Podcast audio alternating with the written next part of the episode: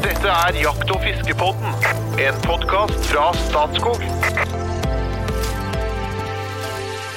Hjertelig velkommen til Jakt- og fiskebåten. Navnet mitt er Trond Gunnar Skillingstad, og jeg leder podkasten her gjennom mer enn 100 episoder. Og det er jo selvfølgelig som en drøm, og hovedårsaken til det, det er at jeg har sånne fantastiske makkere. På den ene sida en sindig kar fra Innlandet, som på mystisk vis har greid å lande en doktorgrad mellom alle jaktdagene. Hjertelig velkommen, fagsjef i Statskog, Jo Inge Bresjeberget. Hallo, hallo. På den andre sida, en kunstnersjel som spiller seg nedover livets landevei. Bluesgitaristen og radiostemmen fra Norges Jeger og Fisk. Hjertelig velkommen, informasjonssjef Espen Farstad. Tusen takk. I dag skal vi snakke om alvorlige skader som kan skje på jakt- og fisketurer, og ikke minst hvordan du forbereder deg på en mulig situasjon der stressnivået blir så høyt at hjernen mer eller mindre kobler ut. Kanskje kan vi også få noen enkle råd for det som kan vise seg å bli livsviktige forberedelser. Vi har med en som har erfaring fra innland og utland, en kjent og særdeles engasjert eh, debattant, en av landets mest fremtredende akuttmedisinere. Hjertelig velkommen til oss, eh, Mats Gilbert. Tusen takk. En ære å få lov å være med i denne berømte podden. Ah, det var en hyggelig start, Mats. og nå må jeg jo høre, du, du bor jo i Tromsø. Det betyr at du, du bor egentlig i et eventyr når det gjelder jakt og fiske. Rypejakt eller røyefiske i Troms det er jo det beste som dette landet har å by på. Bruker du noe av det? Ja da, jeg eh, har tre grunner til at jeg bor i Nord-Norge. Jeg er jo egentlig Oslo-gutt og studerte på Universitetet i Oslo, men flytta nord så fort jeg var ferdig, og har vært her siden. Og eh, De tre viktigste grunnene for å bo i Nord-Norge for meg, det er folket, som er generelt veldig raust, åpent, humoristisk og inkluderende. Det er naturen, som er fenomenal, punktum. Og det er lyset, som skifter gjennom hele året. Vi er alltid i en periode med endring, og for en utålmodig sjel som meg, så er det å gå mot enten det endeløse lyset eller det endeløse mørket, det er fenomenalt. Så jeg bruker naturen masse. Jeg sitter nå og bare spøler, for jeg skal ut på ski når vi er ferdig med dette opptaket. Jeg går mye på fjellet. Jeg har eh, vært en lidenskapelig toppturentusiast i alle år. Jeg kjører Telemark, padler og er en lidenskapelig fisker. Men jeg går ikke på jakt. Og Det er ikke fordi at jeg har noe imot jakt, men fordi at jeg eh, har opplevd min dose av skyting og, og dreping eh, gjennom jobben, så jeg vil gjerne ha fred og ro når jeg er i naturen. Og så lenge ikke familien holder på å dø av sult, så ser ikke jeg noen grunn til å jakte. Men jeg respekterer de som jakter, inklusiv mine egne svigersønner. Men nå ble jeg jo litt nysgjerrig, da. Altså, du, har opp, du, har opplevd en del av det. Fortell litt mer om hvem Mats Gilbert er, og, og bakgrunnen din. Nei, Jeg er jo uh, doktor og uh, vokste opp i Oslo og gikk på skolen der. Og skulle egentlig bli veterinær eller forstmann, men så ville livet det sånn at jeg gikk på medisin etter uh, en stund på veterinærhøgskolen. Og så hadde jeg sommerjobb i Tromsø midt i studietiden og ble fullstendig bergtatt. Jeg hadde ikke hørt noe særlig om Nord-Norge annet enn at det var liksom gokk og vi var redde for å komme militærtjeneste her. Og så opplever jeg da et folk, en lys, et lys og en natur som var fullstendig overveldende. Så det jeg dro fra Tromsø den sommeren, så tenkte jeg her skal jeg leve livet mitt. Så med en gang jeg var ferdig på doktorskolen, så søkte jeg meg i turnus. Var på Gravdal sykehus i Lofoten i sykehusturnus. Og så var jeg ute i Karlsøy, Troms som uh, turnuskandidat i distrikt, og lærte å bli doktor. Og lærte på mange måter å bli et voksent menneske her oppe i nord. Og det har bare fortsatt. Så jeg har hatt min base på Universitetssykehuset i Nord-Norge eh, i alle år. Og så har jeg jobbet mye internasjonalt. Eh, vært så heldig at jeg jobber på et sykehus som ser også internasjonalt engasjement som en del av vårt medisinske ansvar. Så jeg har jobbet med medisinsk solidaritetsarbeid mange steder i verden, både i Asia og i Afrika, og veldig mye i Palestina. Så jeg har drevet mye med førstehjelpsopplæring i fattigverden, på landsbygda. Det var jo en periode for noen år siden som mange husker hvor vi hadde fryktelig mye mineskader, landmineskader. og Da lærte vi opp eh, lokale helsearbeidere som ikke nødvendigvis var doktere, i landsbygda i Burma, Kambodsja, eh, Kurdistan, Angola osv. I å gjøre det vi skal snakke om i dag, nemlig gjøre de livreddende tiltakene på en robust og trygg og effektiv måte, slik at de som kunne reddes, ble reddet og holdt i live til de kom fram til sykehuset og kunne få den definitive behandlingen på sykehus.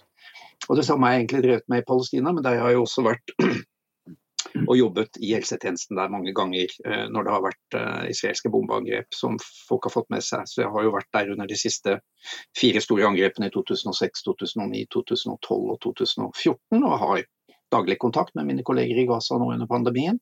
Så jeg, jeg har en, vært kjempeprivilegert som har kunnet veksle mellom dette nære, norske, trygge, vakre, fredfulle, nok vann i springen, nok mat i skapet, ingen sjekkpunkter, ingen bombinger, ingen droner, i Norge og med endeløs natur, og så da det meningsfulle i å drive med solidaritetsarbeid i det globale sør. Og det må vi ikke glemme at selv om vi har det utrolig bra i Norge, så er det folk som er akkurat like omstendige og, og har akkurat like mye rettigheter og muligheter som oss, som lever et forferdelig vanskelig liv. Så nå skjønner dere når jeg, når jeg introduserer med en engasjert debattant, så hør, dere hører dere her er det stort uh, engasjement. Don't let me lose, man. Men jeg tenkte vi skulle rett og slett gå inn på ja, ulike typer veldig alvorlige situasjoner som kan oppstå. Jeg kan, jeg kan egentlig utfordre deg litt eh, i første omgang, Espen, på fiske. Det sier seg litt sjøl, men hva, hva er de, de mest alvorlige skadene og ulykkene som kan oppstå rundt fiske? Nei, altså, Vi er jo folk som går på tvers av stiene, så vi er jo ofte langt av lei ulendt terreng og kanskje også utafor dekning. Eh, sånn at eh, alt som skjer, kan jo, har jo potensielt litt sånn der alvorlighets... Altså, det å gå alene på fisketur langt oppe i fjellet, og så faller jeg ur og knekker beinet, det kan jo være fatalt. Så, så det, det dette er jo noe vi alltid skal tenke på. Sikkert. Og vi, vi, som er vokst opp med det, vi som gjør dette hele tida, og som har det som en del av en måte vår livsstil, vi tenker ikke så mye på det, men vi utøver på en måte en slags ekstremsport i naturen hele tiden. Eh, så jeg tenker at det å forberede seg litt, og forebygge, er utrolig viktig. Så jeg, jeg jeg må si at det er, eh, det er Altså at du tenker litt på hva du har med deg, at du tenker på hvordan du oppfører deg, at du tenker at hvis noe skjer, hva gjør jeg da? At, at du er i den greia. Men, men, det er kanskje litt sånn selvsagt, men det er, det er faktisk viktig å, å tenke de, de, tankene der. Uh, jeg, har en, jeg har en historie som jeg syns eh, Den gjorde sterkt inntrykk på meg. Jeg var, jeg var ung. Uh, 25 år gammel, tenker jeg, var, eh, vi hadde en kameratgjeng som hadde dratt inn på Finnmarksvidda. Vi sto ja, inne ved Gjesjavre, midt på Finnmarksvidda. Da er du liksom ti mil fra folk i alle retninger. Du er langt fra folk, og det var før mobiltelefonenes tid. Så er det en kar som står og fisker bortafor meg, som heter Dag, og så sier han 'Espen, kan du komme hit litt?' Nei, jeg hadde jo ikke tid, for jeg hadde jo spotta en ørret, så jeg var jo 100% konsentrert. Og så sier han 'Jeg tror du må komme hit nå', sier han. Og så kommer jeg bort, og så har han altså fått flua i øyet og en flue i enden av et fluesnør. ikke sant? Altså, Den kom jo i, i, i 400 km i timen. ikke sant? Heldigvis så hadde den satt seg bare i øyelokket. Han satt ikke liksom i øyeeplet. Men, men der sto vi midt inne på vidda. Han sto med en krok i øyet, eh, og eh, det var en helt sånn der, jeg ble helt Faen, hva gjør vi nå, da? Og vi var unge. Da hadde jeg jo ikke tenkt på disse mulighetene at dette skulle skje. Eh, og, og, hadde jeg utstyr? Nei. Hadde vi tenkt på dette? Nei. ikke sant? Så det endte, Men vi hadde faktisk med en tang, og noe som er veldig viktig. Det har jeg alltid nå. Eh, jeg hadde med en tang, og så måtte jeg da dra denne kroken gjennom eh, øyelokket. Og det skal jeg si deg, hvis du fester en, en krok i øyelokket og drar, så kommer du ti centimeter utafor ansiktet. altså. Dette er seige ting. ikke sant? Og, og jeg er jo ikke så Mats vant til å gjøre dette. For meg var dette forferdelig. Jeg tror nesten det var verre for meg enn for han. Så fikk vi dratt den gjennom, og så fikk vi knipt av den mottaken, ikke sant? og så fikk vi dratt den tilbake. Men så begynte vi å tenke men nå kommer det infeksjoner og drit her. Eh, og hadde, ikke med, hadde, hadde ikke med dere sprit, da? Jo, som unge gutter så hadde vi, hadde vi, nemlig Som unge gutter så hadde vi jo selvfølgelig en sånn lommelerke med noe greier på. Så jeg fikk dynka øya hans i whisky. Da skreik han! Det var først da han skreik, for det var vondt. Men, men det gikk jo bra. Men, men det var en, en, en, veldig fin vekker for meg som ung fisker at fader heller, det skjer ting når du minst venter det, og det må vi prøve å forebygge. Kjempegod historie og, to poeng. Det ene er jo at selvfølgelig forebygge er jo stikkordet her. Og i dag ville du jo hatt på deg gode briller mens du drev med fluefiske. Fordi øynene er veldig utsatt. Og det er klart en, en skikkelig fluekrok i øyet det kan, være, det kan ødelegge synet ditt. Det er jo det ene. Og det andre er at du kan jo inkapasitere deg for det tilfellet at du må gå, gå til bygda eller gå, gå, til folk. Og det kan være en dagstur eller to. sånn at Forebygging, god plan, helt enig, det er det absolutt viktigste. Og så gjorde jo du alt riktig da, når du fikk den ut på den måten som alle som driver med, med kroker kan. Og da må man ha med seg et lite multiverktøy. Og så er det to ting med alkohol. Det ene er jo at det er desinfiserende, og det andre er jo at det er smertestillende. Sånn at uh, den postoperative smerten som din turkamerat hadde, den kunne også døyves da med noen skikkelige gode støyter uh, utover kvelden og natta. Fordi alkohol er faktisk smertestillende. Nå må jo det avveies i forhold til om man skal gå noe sted. For det er ikke så lurt å, å rave rundt i fylla. Men, men, jeg tror du er inne på noe helt sentralt, og det er for så vidt mitt hovedbudskap. Det er før du skal på tur. Uansett om det er uh, jakt eller fiske, ski eller uh, vinter og sommer, så er det altså ha en god plan og gjør gode forberedelser. Og vær rasjonelt utstyrt. Og den gode planen må selvfølgelig inkludere er det noen fare på denne turen. Er det noe farefullt med terrenget? Har vi noen alternative rutevalg? Hvordan er værmeldingen? Sjekket den ordentlig. Og så være veldig på en måte realistisk på å velge tur etter evne. Skal man på elgjakt, og det er fem mann i alderen 45 pluss til 65 pluss, så må man være ærlig med hverandre. Er det noen som har angina pectoris eller hjertekramp eller har hatt et infarkt, så må man faktisk snakke om det, og hvilke alternativer man da skal uh, sette opp hvis noen skulle bli dårlig. Uh, og Det kan vi snakke litt mer om etterpå, hvilke sykdommer som kan være viktig å tenke, tenke nøye gjennom. Og så må man melde fra, sjekke om det er mobildekning i området. Det kan man jo gjøre med dekningskart i dag. Ha med ekstra, ekstra batteri til mobilen. Og så er det da selvfølgelig sekken, som jeg er lidenskapelig opptatt av. En fornuftig sekk. Jeg går ikke en eneste tur her i Nord-Norge hvis det ikke er i lysløypa om vinteren, uten at jeg har med følgende i sekken min. Jeg har selvfølgelig spade, sondestang og sendemottaker.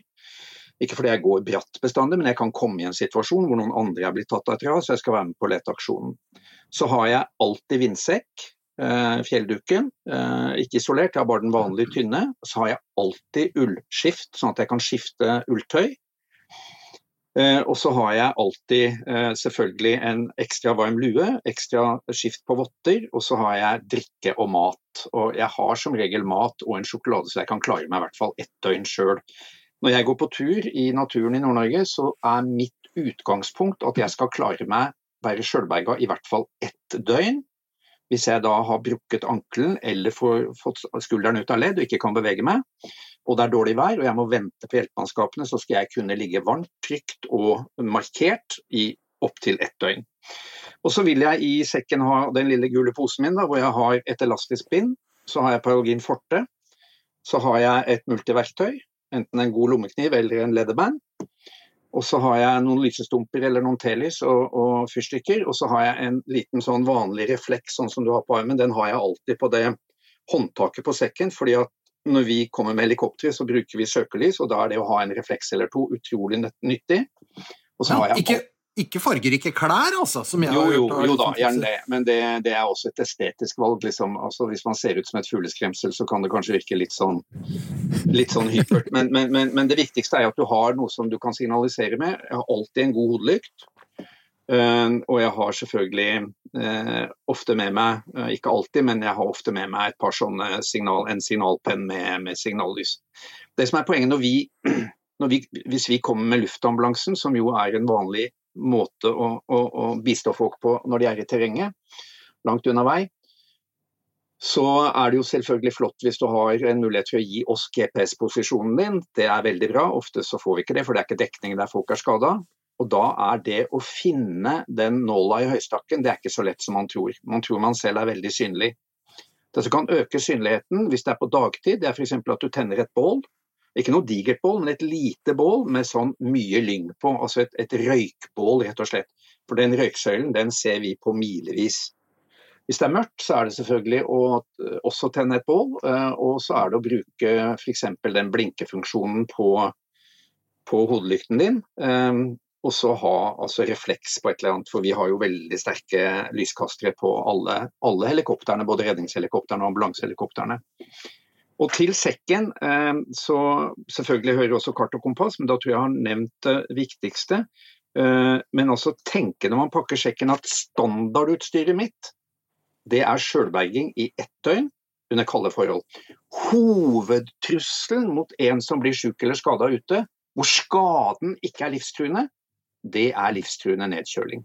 Og nedkjøling er en kombinasjon av utetemperatur, nedbør, vind og beskyttelse.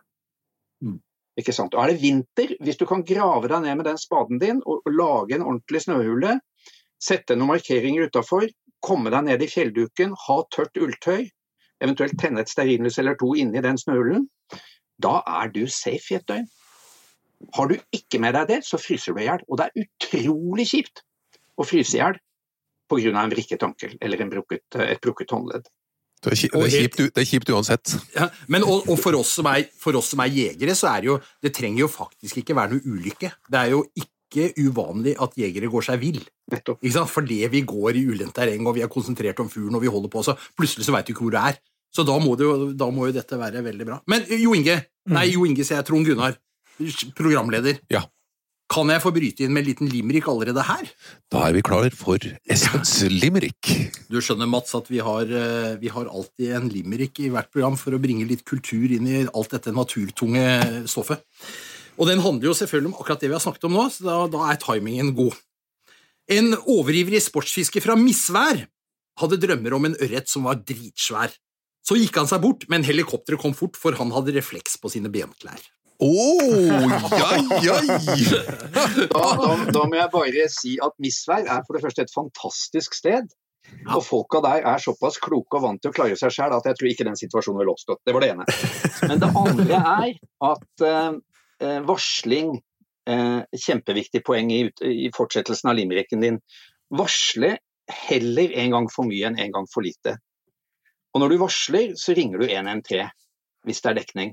Og 113, mm. vi har jo tre nødnummer, 110, 112, 113. Sånn at mekanismen er sånn at hvis vi får inn en 113-melding fra noen på fjellet på Innlandet øverst oppe i, i Troms mot svenskegrensen, så vil AMK-operatøren vår umiddelbart identifisere dette som et redningsoppdrag og tverrkoble, mm.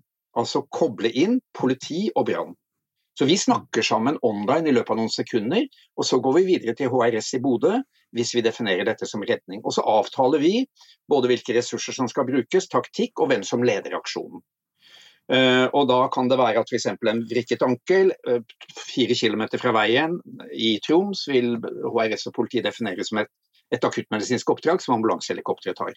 Er det en større aksjon med leting, vi vet ikke hvor folk er, det er kanskje flere skadde, redningsoppdrag, og da leder HRS-aksjonen. Sånn at alt dette, alt dette, er systemer som vi opererer i bakrommet, som dere sikkert har sett på NN3-serien.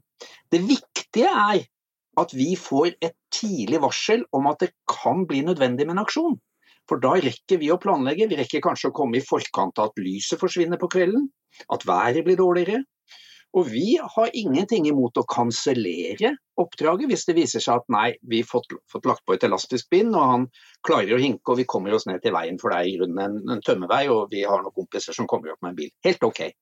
Det er mye verre å håpe på det beste og vente og vente og vente med å varsle. Kanskje også fordi man er litt skamfull. Man syns det er litt kjipt at man har kommet i denne situasjonen. Man vil ikke bry det offentlige. Og her har jo vi hatt viktige diskusjoner bl.a. i Troms om de som kommer i nødsituasjoner skal være erstatningsansvarlige. og Der har vi vært veldig prinsippfaste og sagt at nei, dette er en del av velferdsstatens tilbud. Dette koster penger. Beredskapen er der, den skal brukes. Og Her viser vi noe av storheten ved velferdssamfunnet, nemlig at hvert enkelt menneske, elgjeger som en pensjonist i Storgata, en eh, stoffmisbruker eller en ungdom som kjører i grøfta, er like mye verdt, og alle skal få den hjelpen vi kan stille opp med. Det apparatet det tusler og går døgnet rundt, de kostnadene går uansett. Og én aksjon er ikke det som velter regnskapet på noen måte. Så prinsippet om at du kan ringe, du blir behandlet med respekt, du har rett til å få hjelp, ikke vent med å varsle. Ikke vent med å varsle. Du vet du glemte av én ting i sekken, eh, Mats?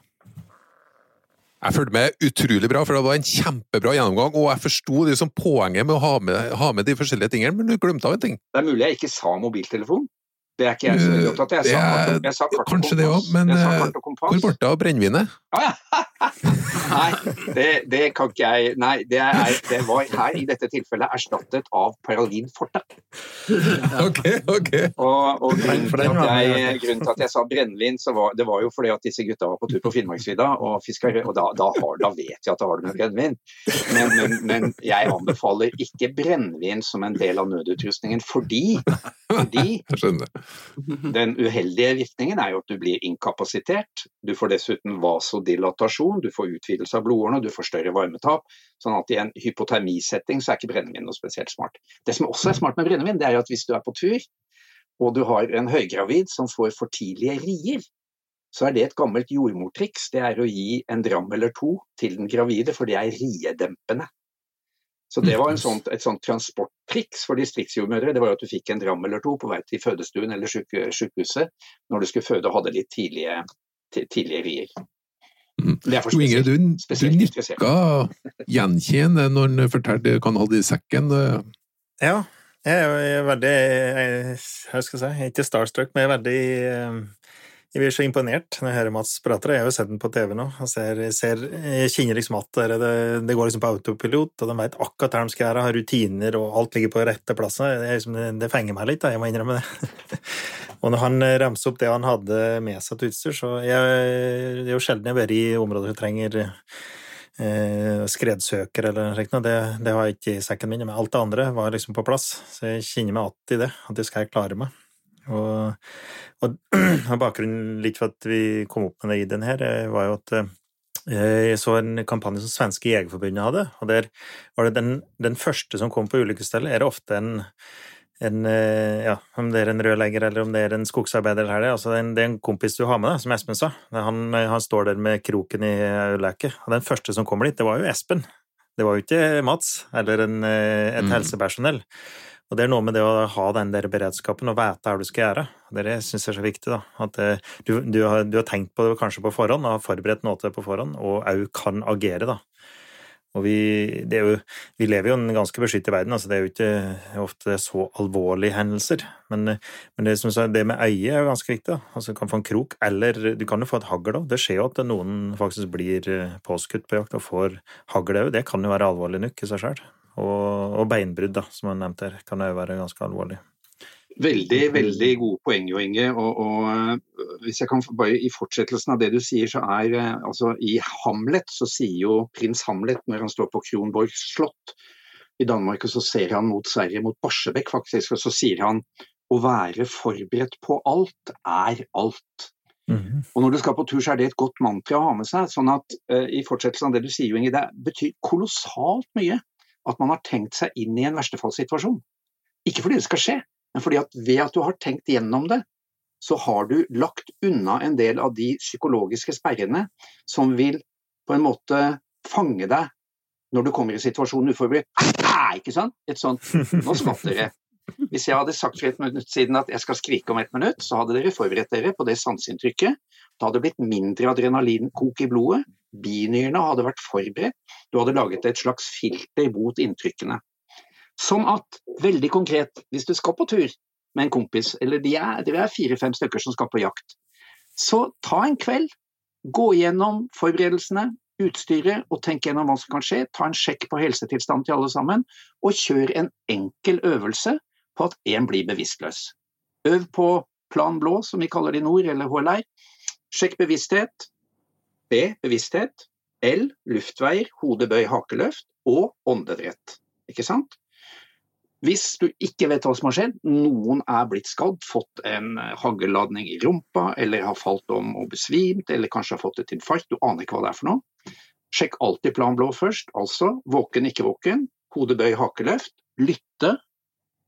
Puster han normalt eller ikke normalt? Og hvis vedkommende ikke reagerer på tiltale, og ikke puster normalt etter at du har åpnet luftveien, da er den personen etter norsk definisjon livløs. Altså ikke våken og ikke puster normalt etter å ha åpnet luftveien. Da starter du hjerte-lungeredning. Og selvfølgelig må du da huske på, før du kaster deg ut i det, å ha varslet. Fordi at Med en gang du går inn i situasjonen, så konsumerer den deg fullstendig, og du kommer på etter 25 minutter Oi, vi har glemt å varsle. Og, og den eh, arbeidsdelingen, arbeidsdelingen i, sånn, i, et sånt jaktlag eller et turlag, den kan man da avtale på forhånd. Da blir det du som varsler, du tar luftveiene, du starter med brystkompresjonene, og så har man øvd på det. Så kommer det ikke til å skje. Men da er man så utrolig mye mer operativ hvis det skjer. Mm.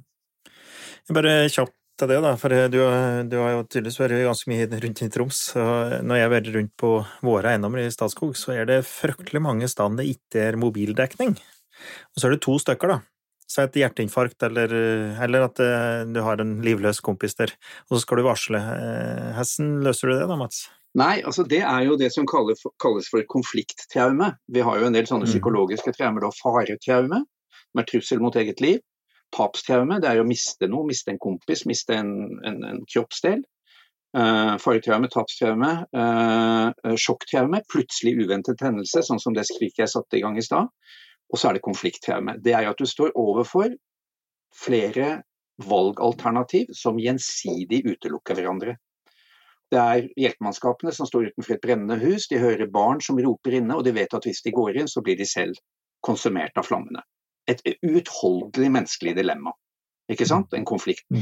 Sånn at hvis kompisen din har falt om, det ikke er dekning, han er livløs etter den definisjonen jeg ga deg, reagerer ikke på tiltale, puster ikke normalt, og da er alt som ikke er normalt, det er ikke normalt. Fordi i løpet av de første minuttene etter hjertestans så kan du godt ha det som kalles for agonal pust, altså sånn restpust. For det er fortsatt litt surstoff igjen i pustesenteret, og du har sånn Det vi kaller ralling. Hvis du skal vente helt til det ikke er noe pust i det hele tatt, så kommer du for seint i gang med HLR. Hvis det ikke er dekning, så må du bare starte HLR og kjøre på. Er du to mann, så får dere kjøre på så lenge dere kan, eventuelt avtale at én løper i retning dekning. Men det å forlate den livløse, for så å løpe kanskje 20 minutter og komme tilbake om 40 minutter, da er du helt sikker på at vedkommende er død. Hvis, hvis det var behov for gjenoppliving.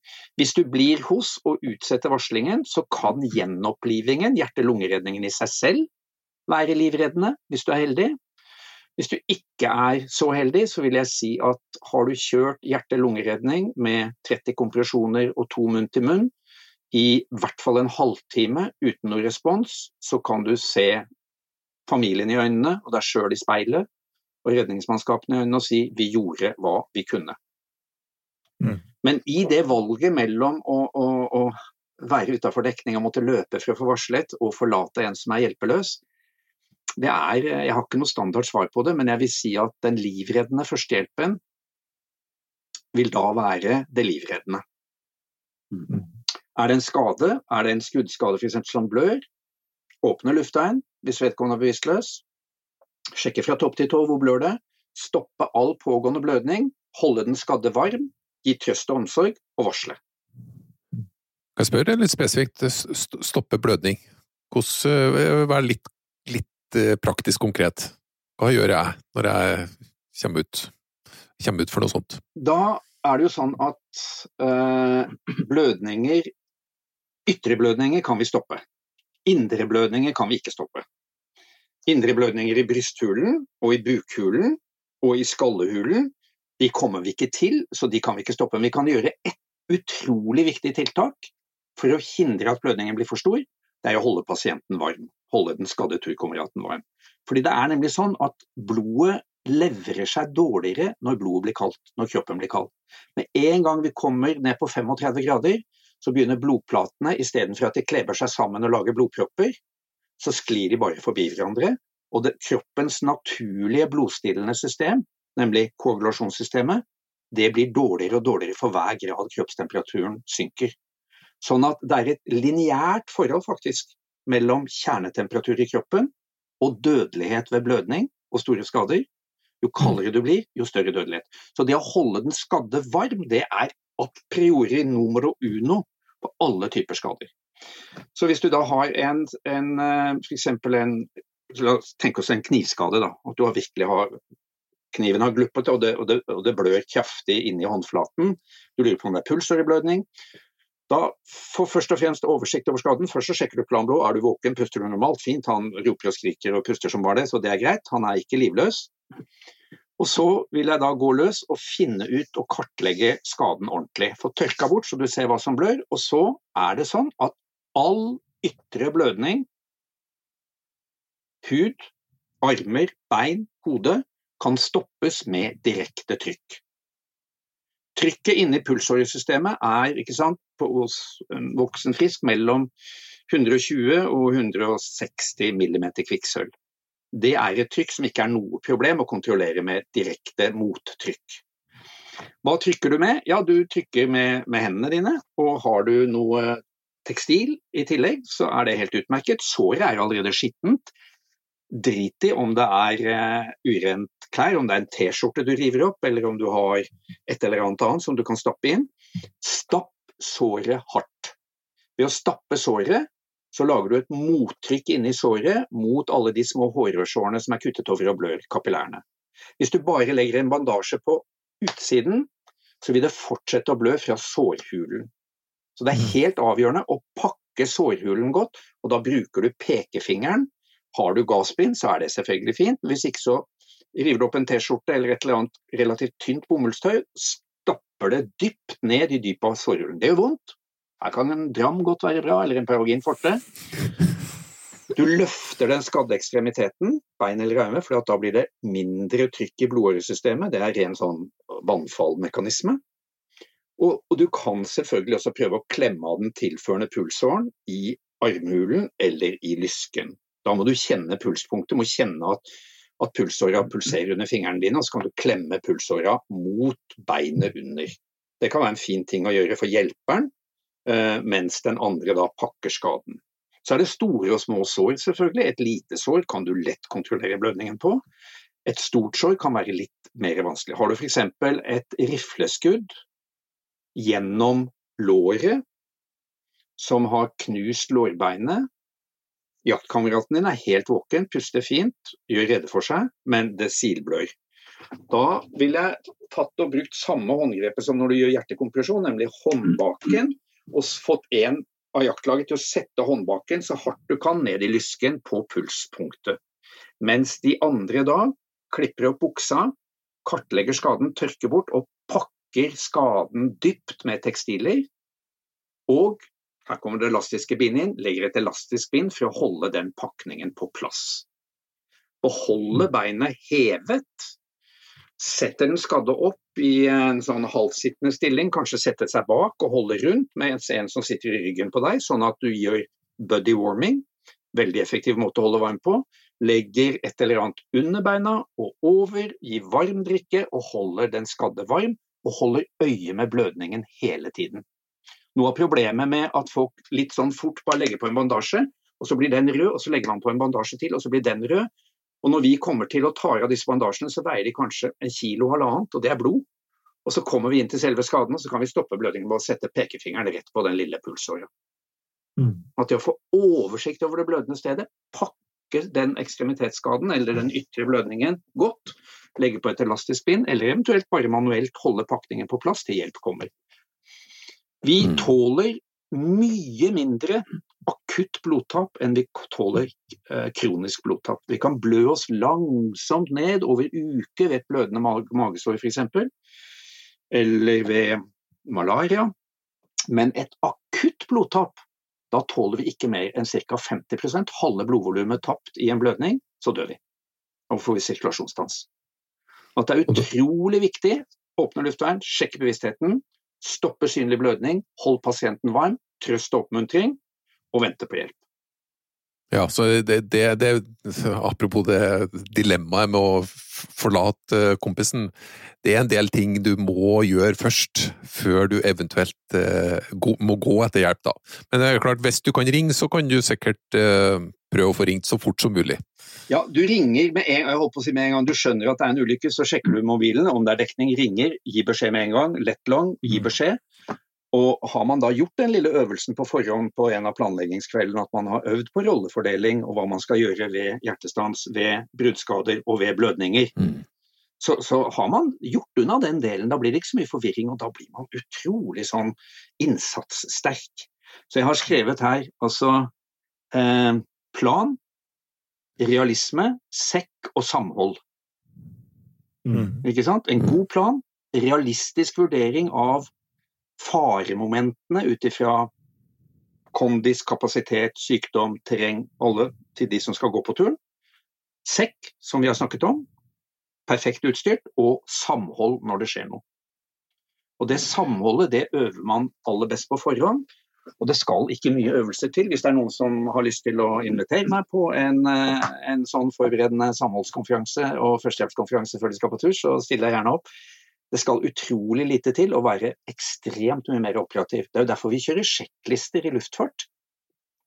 Vi gjør jo det i akuttmedisinen nå stadig mer. Mm. Hver gang vi tar av med ambulansehelikopteret, så tar redningsmannen ut en sånn laminert eh, liten liste på størrelse med det, og leser pre-takeoff sjekklist. Høyt ut. Legen sitter bak, piloten som er fartøysjef sitter i pilotsetet, og så leser da eh, redningsmannen seg gjennom alle punktene, call-outs, og så svarer vi ja, ja, ja, check, check, check, check, check. Og så tar vi av. Hver gang før vi lander, tar redningsmannen opp lista og leser pre-landing checklist. Hvorfor det? Jo, fordi det er menneskelig å glemme, og fordi du samler teamet om oppgaven når du leser en sjekkliste. Da er vi mye å lære. Du kan veldig, med veldig små tiltak optimalisere den menneskelige faktoren, det vi kaller human factors, i en krisesituasjon med bitte lite grann forberedelser og bitte lite grann øvelser. Og da liker jeg å, å, å, bruke det som jeg kaller for realistisk eller ja, realistisk, optimistisk, optimistisk verstefallstenking. At man rett og slett tenker seg inn i situasjonen at en ramler ned og blir bevisstløs av en hodeskade, eller en får en stein i huet, eller man får en hjertestans, eller man får en blødning. De, de scenarioene. Så øvd litt gjennom det. To, to, to, ting skjer da. Det ene er at det skjer ikke noe. For sånn er det vi, vi jager bort de onde åndene. Og det andre er at skulle det skje noe, så er vi utrolig mye bedre forberedt. Og så er det da noen gjenstående dilemmaer, men det ligger da i ansvaret vi har for den gode turplanleggingen. Hvis en eller to i turfølget ikke har kapasitet til å løpe to kilometer, så bør man kanskje tenke at ok, her er dekningskartet, og vi, vi, skal vi si at vi holder oss innenfor dekningskartet. Og så du, Lars Petter, du har ansvar for å bare sjekke dekningen, så vi vet at vi er innenfor dekning, f.eks. Men, men, umulige situasjoner det oppstår. Jeg husker et førstehjelpskurs vi hadde for noen tannleger i Tromsø for mange år siden. De, for Da hadde det vært mye sånn slipeskiver og sånn som hadde falt ned i luftveien i Danmark, så alle var kjempenervøse for det. Og vi skulle lære tannlegene hjerte-lungeredning. Min gode venn Ragnar Hotvedt og jeg, og han er jo en ivrig rypejeger. og Vi underviste, og vi sto der, og så satt det en kar i salen som ble veldig sånn tankefull og sånn Men du, sett at jeg er inne på fjellet langt unna mobildekning, og så er jeg på, på jakttur med hans svigerfar. Og så hans svigerfar, han faller om, og vi er ute i ei myr. Og så begynner jeg med denne her brystkompresjonen, og så presser han lengre og lengre ned i myra. Hva gjør jeg da? Og du vet, Vi kunne jo nesten ikke bære, så jeg svarte da nei, altså den situasjonen tror jeg du skal ta opp med psykologen din, for jeg tror du må rydde opp i følelsene dine. Men umulige situasjoner, selvfølgelig, det er lett å konstruere eh, med konflikt, eh, konflikttraumer og, og handlingsdilemmaer. Men man kan rydde unna mye av dette ved god planlegging, realisme, godt utstyr, klar ansvarsfordeling og samhold i teamet. Du, Mats, hva er, din, hva er erfaringa di når du kommer ut? Har, har, folk gjort det rette, eller har man stivna? Folk er fryktelig flinke. Folk er fryktelig flinke, og så er det sånn at det er jo to veldig bra ting som settes i gang når du ringer 113. Eh, og Det ene er jo at du får varslet og ressursene blir satt i bevegelse. Det andre er jo at du får telefoninstruksjon. Våre AMK-operatører er jo, det er jo to profesjonsgrupper. Det er sykepleiere, akuttsykepleiere og så er det ambulansepersonell. Det er de to yrkesgruppene som er våre AMK-operatører på alle AMK-sentraler i hele Norge.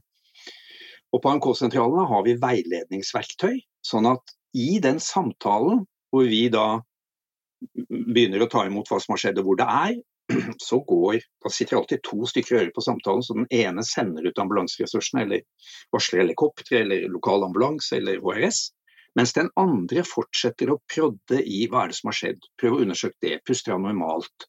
Ja, hvor blør det hen? Kan du se ordentlig på blødningen? Sånn at du er online med en profesjonell hjelper, så du får veiledning til å bli en bedre førstehjelper i situasjonen. Det er det ene poenget.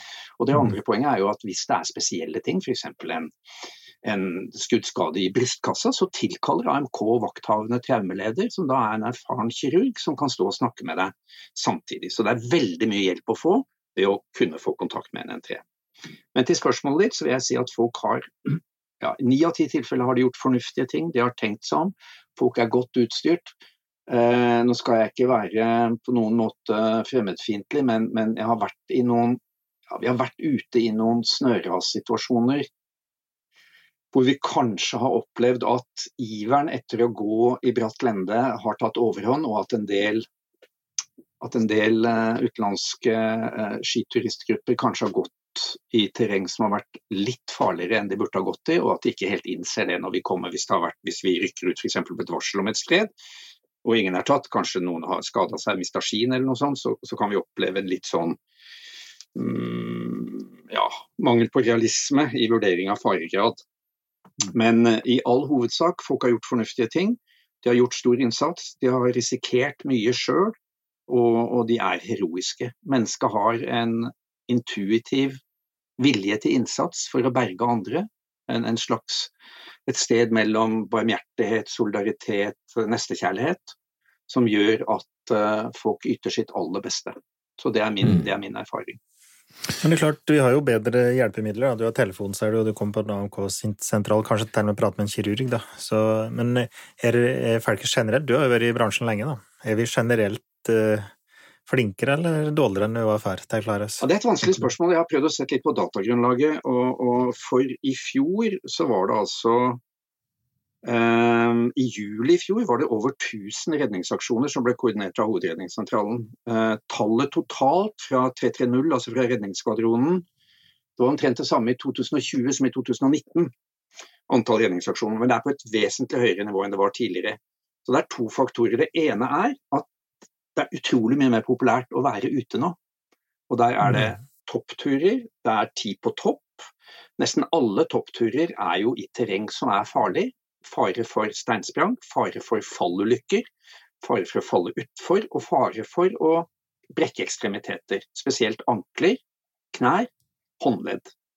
Og er jo, Der er det jo liten tue kan velte stort lass. Det, kan være nok at du vrikker ankelen og ikke kan gå, til at du kan fryse i hjel. Hvis du ikke blir beskyttet mot nedkjøling inntil du, inntil du uh, har fått, uh, fått hjelp.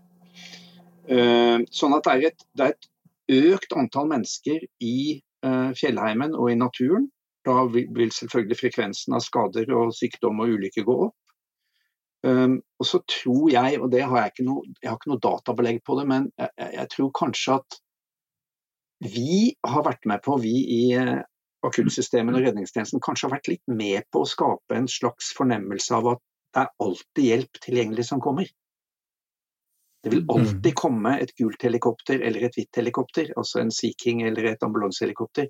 Eller det vil komme en firehjuling med Røde Kors-folk. Men sånn er det jo ikke. Altså På vinterstid så kansellerer vi opptil 40% av akuttoppdragene våre her i Tromsø pga. mørke, dårlig sikt. Og det er jo sikt som er begrensningen for helikoptrene. Uh, og, og, da er vi helt avhengig av den lokale beredskapen i kommunen, altså Røde Kors, Norsk Folkehjelp, frivillige. Men, men, men, denne troen på at det kommer alltid, kavaleriet kommer liksom alltid i tide og rekker å redde oss, den er betydelig overdrevet. Og det gjelder mm. spesielt snøras, for der må du altså være gravd fram i løpet av de første 10-12 minuttene hvis du skal ha over 90% sjanse til å overleve hvis du er helt begravd i snøskred. Og det får du bare til hvis du kan redde deg sjøl ut, eller hvis kameraten din finner deg og graver deg ut. Vi kommer, vi kommer alltid for seint når du er helt begravd. Eh, jeg må si altså, nå, nå, er vi vel i ferd med å runde av snart her. Det var utrolig mye kunnskap som har kommet ut av uh, din rappkjefta munnvik her, syns jeg. Den her, og det Spørsmålet er om vi klarer å ta til oss alt, men det var utrolig mye bra, syns jeg. Det, det, er fint. Jeg bare er opptatt av at eh, vi i Jakt- og fiskepodden vi, vi vil jo gjerne ha folk ut mest mulig. Det er liksom vår misjon. Så, så, alt det vi har snakket om nå, skal jo ikke skremme folk fra å gå ut, men det skal gjøre at vi går ut med et litt mer forberedt eh, forhold til det, det, potensielle fare som ligger der, og så at vi er skikkelig utstyrt og sånn. Og så dro du inn et lite stykke fra litteraturen, og jeg som er kunstnersjelen i dette programmet, setter jo pris på slikt. Det var vel Hamlet du siterte? Jeg tenker at noe av den kunnskapen jeg har fått, det kan oppsummeres gjennom Holberg. Hvorfor drikker Jeppe? Jo, for han har brekt beinet og har vondt, nemlig! har jeg lært nå, da.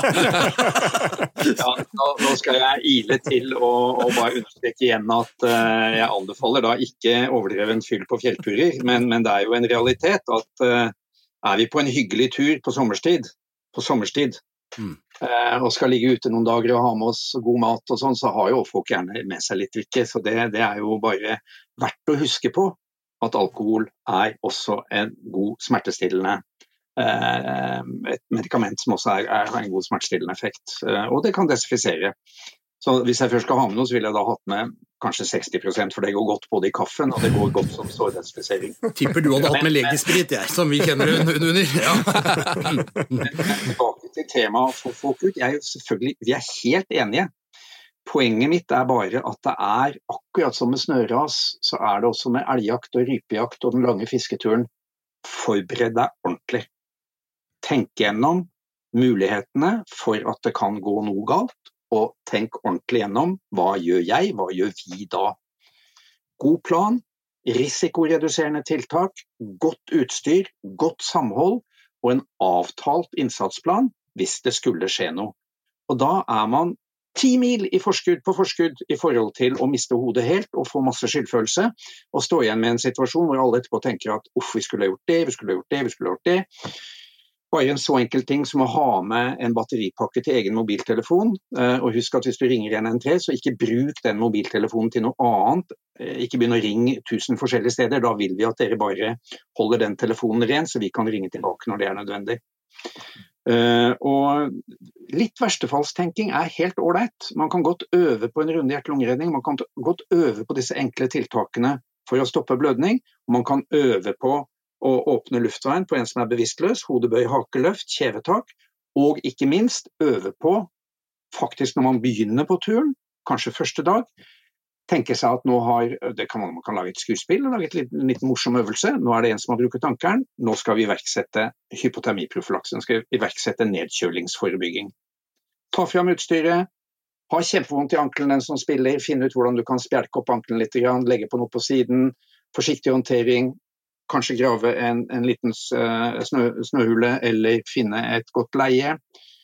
Legge på uh, varme, varme, klær, skifte klær, uh, få fram fjellduken. Buddy warming foran og bak, kanskje. Ligge på siden, sandwich, hva som er best. Øve på det, så gjør man det mye lettere når man først trenger det. Det jeg håper, det er at denne episoden har gjort folk enda litt tryggere, sånn at enda flere er ute i norsk natur.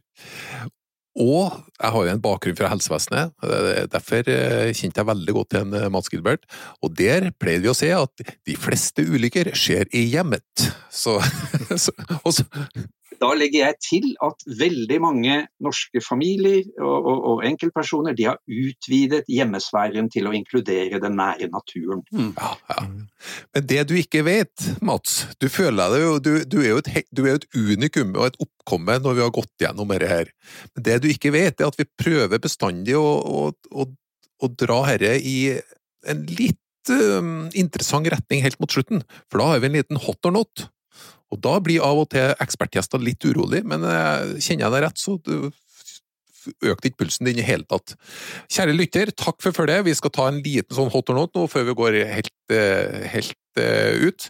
Rekkefølgen er sånn på svaret Jo Inge, Espen og Mats. Og vi starter. TV-serien Paradise Hotel. Hot or not? Not. Not. Not. Oljeplattform. Hot or not? Not. Not. Not. Ok.